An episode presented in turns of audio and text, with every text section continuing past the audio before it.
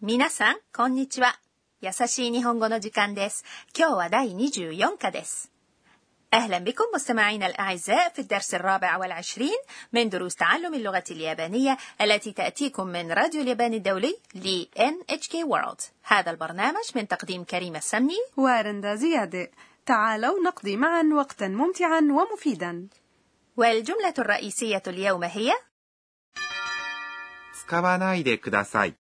لا تستخدموه من فضلكم بطلة القصة هي الطالبة التايلاندية أنا واليوم تحضر محاضرة للأستاذ سوزوكي في اللغة اليابانية بالجامعة تعالوا نستمع إلى حوار الدرس الرابع والعشرين والجملة الرئيسية هي 使わないでください。 لا تستخدموه من فضلكم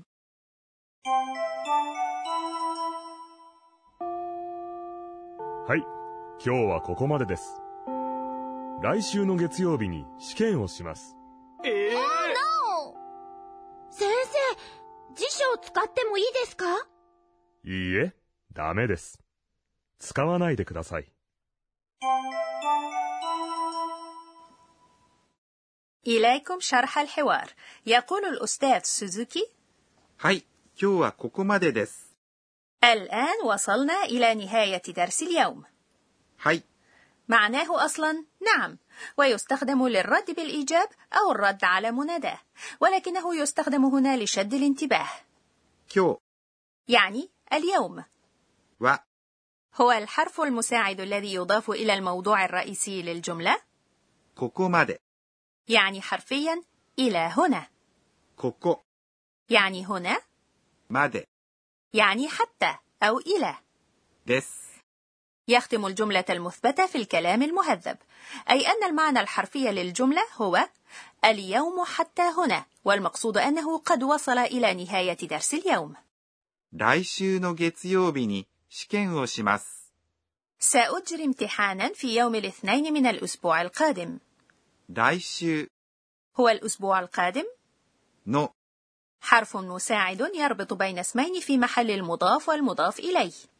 月曜日 يعني يوم الاثنين أضيف إليه الحرف المساعد に الذي يدل على الزمن 来週の月曜日に يعني في يوم الاثنين من الأسبوع القادم 試験 هو الامتحان を هو الحرف المساعد الذي يضاف إلى المفعول به します يعني يفعل 試験をします يعني يجري امتحانا أحيانا تستخدم الكلمة تستو بدلا من شكان صحيح وأن تسأل الأستاذ سوزوكي 先生、辞書を使ってもいいですか يا أستاذ هل يسمح باستخدام القاموس؟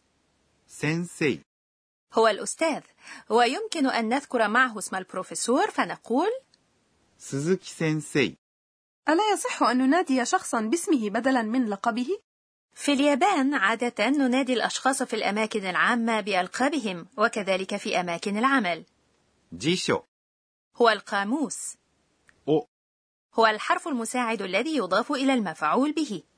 使って هي صيغة ت من الفعل 使います أي يستخدم وعندما نضيف إلى هذه الصيغة もういいですか يصبح طلبا للإذن وسؤالا عما إذا كان يمكن القيام بذلك الفعل أي أن 使ってもいいですか معناها هل يمكن أن أستخدم؟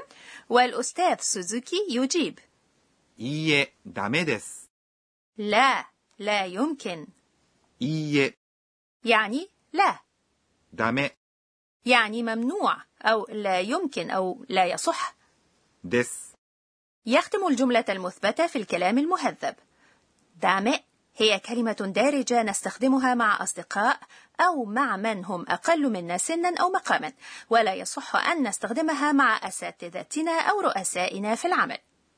والأستاذ سوزوكي يواصل كلامه: 使わないでください。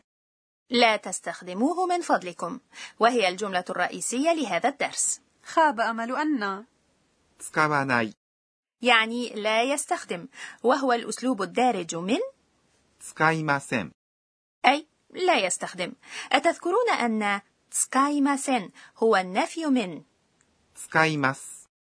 أي يستخدم أما تكواناي فبما أنها تنتهي بالمقطعين ناي فهي صيغة ناي من الفعل أليس كذلك؟ بلى وبإضافة でください。 إلى صيغة ناي من الفعل يمكن النهي عن القيام بذلك الفعل تكواناي دي كوداساي يعني لا تستخدم من فضلك تعالوا نتدرب عليها 使わないでください。 والآن تعالوا نستمع مرة أخرى إلى حوار الدرس الرابع والعشرين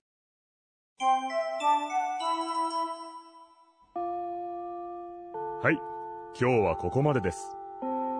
来週の月曜日に試験をします。先生、辞書を使ってもいいですかいいえ、ダメです。使わないでください。 والآن مع فقرة شرح الأستاذة وفيها تشرح لنا الأستاذة أكاني توكوناغا المشرفة على البرنامج أهم نقاط الدرس اليوم درسنا الجملة تسكاواناي دي كوداساي لا تستخدموا من فضلكم أريد أن أعرف المزيد عن أسلوب النهي إذا لنسأل الأستاذة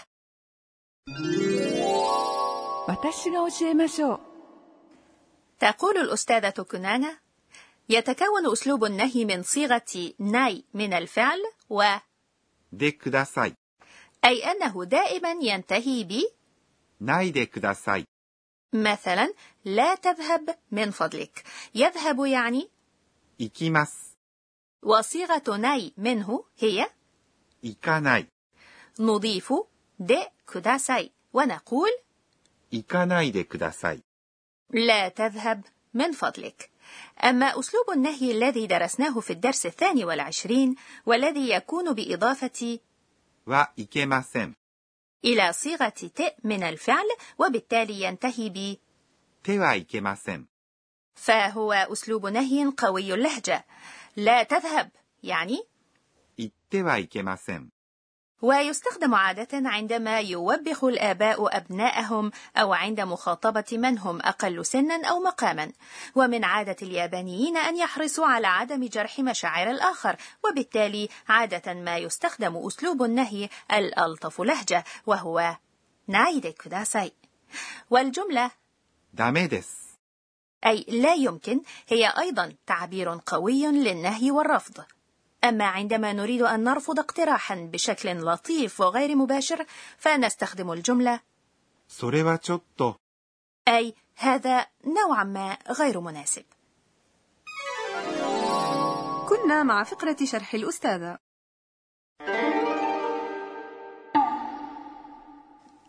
الفقرة التالية هي كلمات المحاكاة الصوتية اليوم نتعرف على كلمات تعبر عن الاستياء وعدم الرضا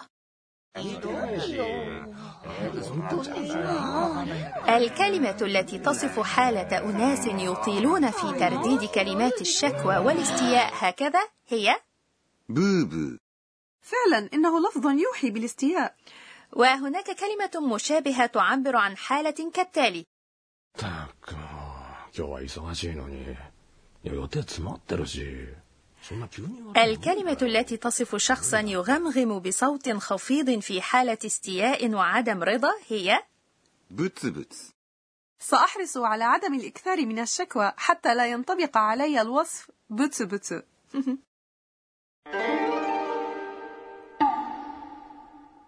كنا مع فقرة كلمات المحاكاة الصوتية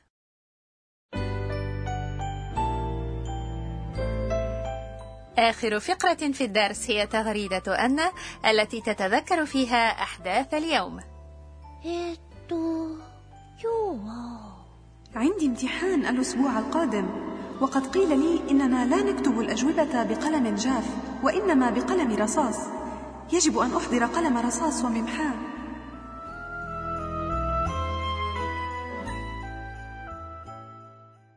بهذا وصلنا إلى نهاية الدرس الرابع والعشرين الدرس القادم أيضا يدور في الجامعة فكونوا معنا وحتى ذلك الحين إلى اللقاء من راديو اليابان الدولي NHK World さようなら